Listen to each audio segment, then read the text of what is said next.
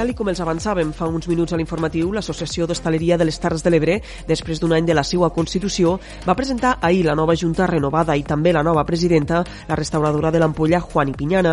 L'associació compta actualment amb 80 establiments associats a les Terres de l'Ebre i treballarà a curt termini per aglutinar les associacions locals i per promoure el turisme de proximitat. Per parlar-ne de tot plegat, saludem a l'altra banda del fil telefònic a Juan i Pinyana. Bon dia.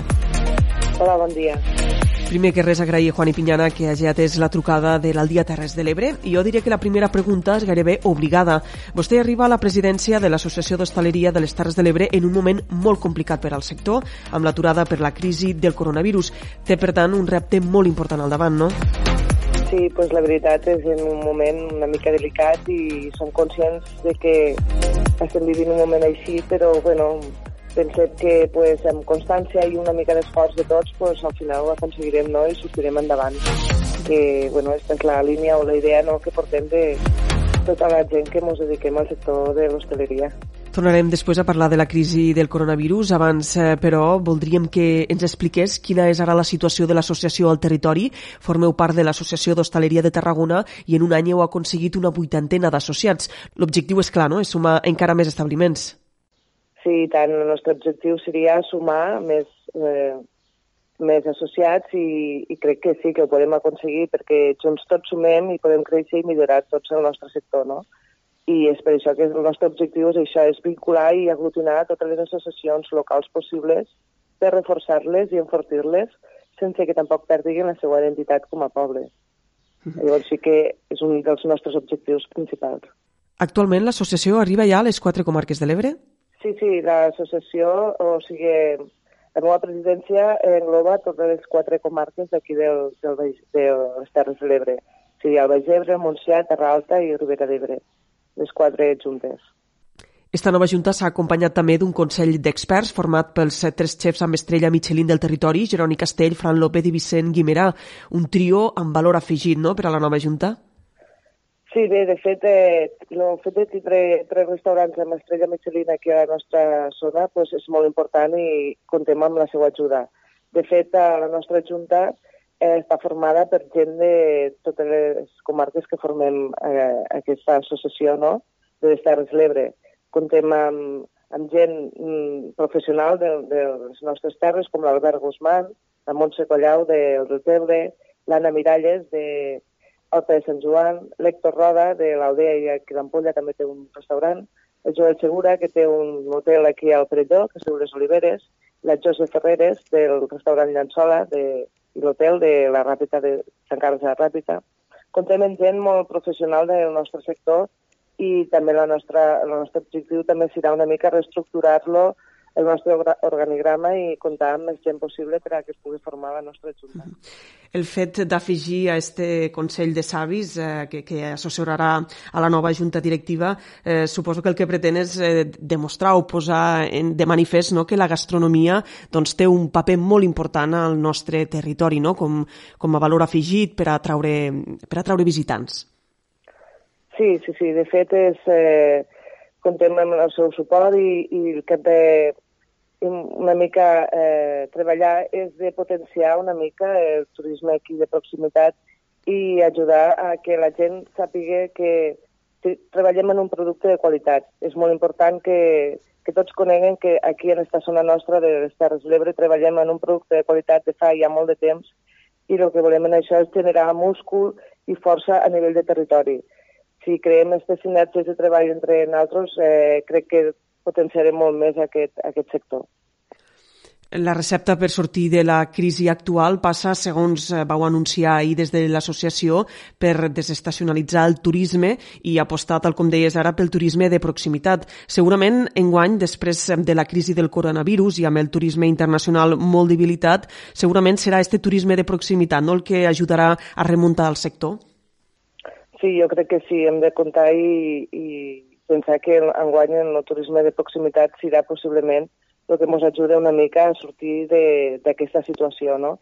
I bé, suposo que a veure si no normalitzem la situació més endavant i ja contem amb el turisme de l'exterior. Però ara sí que hem de comptar en això per a quan tornéssim a reobrir les nostres portes, els nostres negocis I sí, la desestacionalització és un punt que nosaltres contem molt a favor ja de sempre i és un dels nostres objectius també perquè, bé, degut enguany a la nostra situació que estem vivint, pues, serà una mica complicat, però, però sí que per als anys que potser vinguin després pues, comptar amb, amb la des desestacionalització com, una, com un objectiu també clar de, les nostres, de, la, de, la, de la nostra associació, no? Eh, pensem que quan ja se treballa a temporada, i, i això ja ho tenim una miqueta més que clar, eh, el que hem d'intentar és allargar la temporada i intentar eh, fer vindre més gent fora de la temporada forta de l'estiu i que coneguen el nostre territori. És molt important. I com s'allarga aquesta temporada turística? És a dir, quin, quines propostes teniu des de l'associació per poder allargar aquesta temporada turística?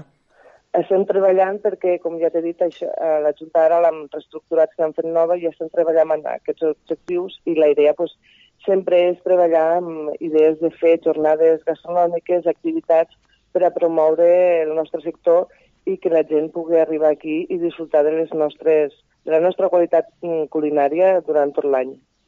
Sortim eh, d'una Setmana Santa, jo diria que inèdita, no només al territori, no? segurament a, a tot el món, eh, però suposo que mm, com a restauradora de l'Ampolla, veure que en plena Setmana Santa l'activitat està totalment aturada xoca bastant, no? Xoca bastant i, i és una situació, la veritat, insòlita perquè mai havíem vist un, una Setmana Santa així d'aquestes maneres, no? Però bé, eh, hem d'afrontar hem d'afrontar positivament la situació i hem de pensar pues, que hem de tirar endavant i de la manera que poguéssim més mm, eh, no sé, que, mm, que, que potenciar també una mica la nostra gastronomia, que pugui ser un camí per a que poguéssim sortir d'aquesta situació i hem de pensar ser positius i, i que d'aquesta situació ens hem de sortir i bé, o, oblidar una mica que, pues, bueno, que això ha passat i que, que hem de continuar pensant en que els nostres negocis s'han d'obrir i hem de continuar treballant perquè tot vagi bé i, i poguéssim caminar endavant no? en, la nostra, en el nostre sector. Ara fa un mes es pot dir que de, de l'estat d'alarma pel coronavirus i que va obligar a tancar bars, restaurants i el comerç en general. Eh, per al sector de la restauració, de, del turisme, es pot aguantar molt més aquesta situació? Portem ja un mes no? amb una aturada total de l'activitat. Eh, creieu que es pot aguantar molt més aquesta situació?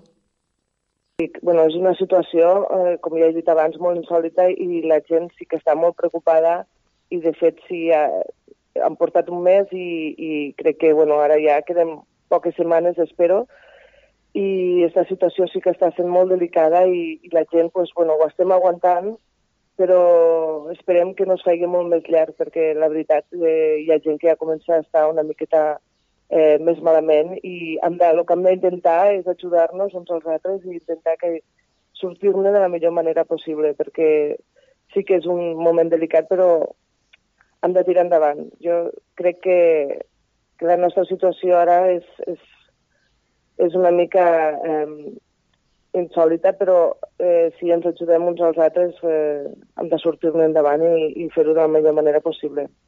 Si ens centrem en, el sector turístic a la costa de l'Ebre, al delta de l'Ebre, podem dir que este 2020 no, no ha començat massa bé. Vam començar amb el temporal Glòria, que, que va suposar també un impacte per, a, per al sector, ja que tota la costa va quedar molt debilitada i ara, a més a més, s'ha sumat la crisi del coronavirus. Suposo que estan esperant la temporada turística de l'estiu no, per a remuntar una mica la situació pues sí, vam començar l'any una mica malament i bé, a veure, ara també saps què passa que és una situació molt incerta. Tots estem patint el mateix, però no sabem com, com sortirem no, una mica i el que hem d'intentar és pues, eh, donar confiança als nostres clients i que mm, se pergui una mica aquesta temor no, a sortir i sortir als nostres establiments i nosaltres el que hem de fer suposo que és donar confiança per a que poguéssim una mica normalitzar la temporada d'estiu i es pugui treballar d'alguna manera correcta, no? Penso que a poc a poc anirem agafant forma i, i a veure si sortim una mica ja d'aquesta situació que, que estem vivint aquests dies. Agraïm a Juan Pinyana que hagi atès la trucada de l'Aldia Terres de l'Ebre i li desitgem molta sort en el nou càrrec de presidenta de l'Associació d'Hostaleria de les Terres de l'Ebre. Juan Pinyana, fins una altra i moltes gràcies. Gràcies a vosaltres.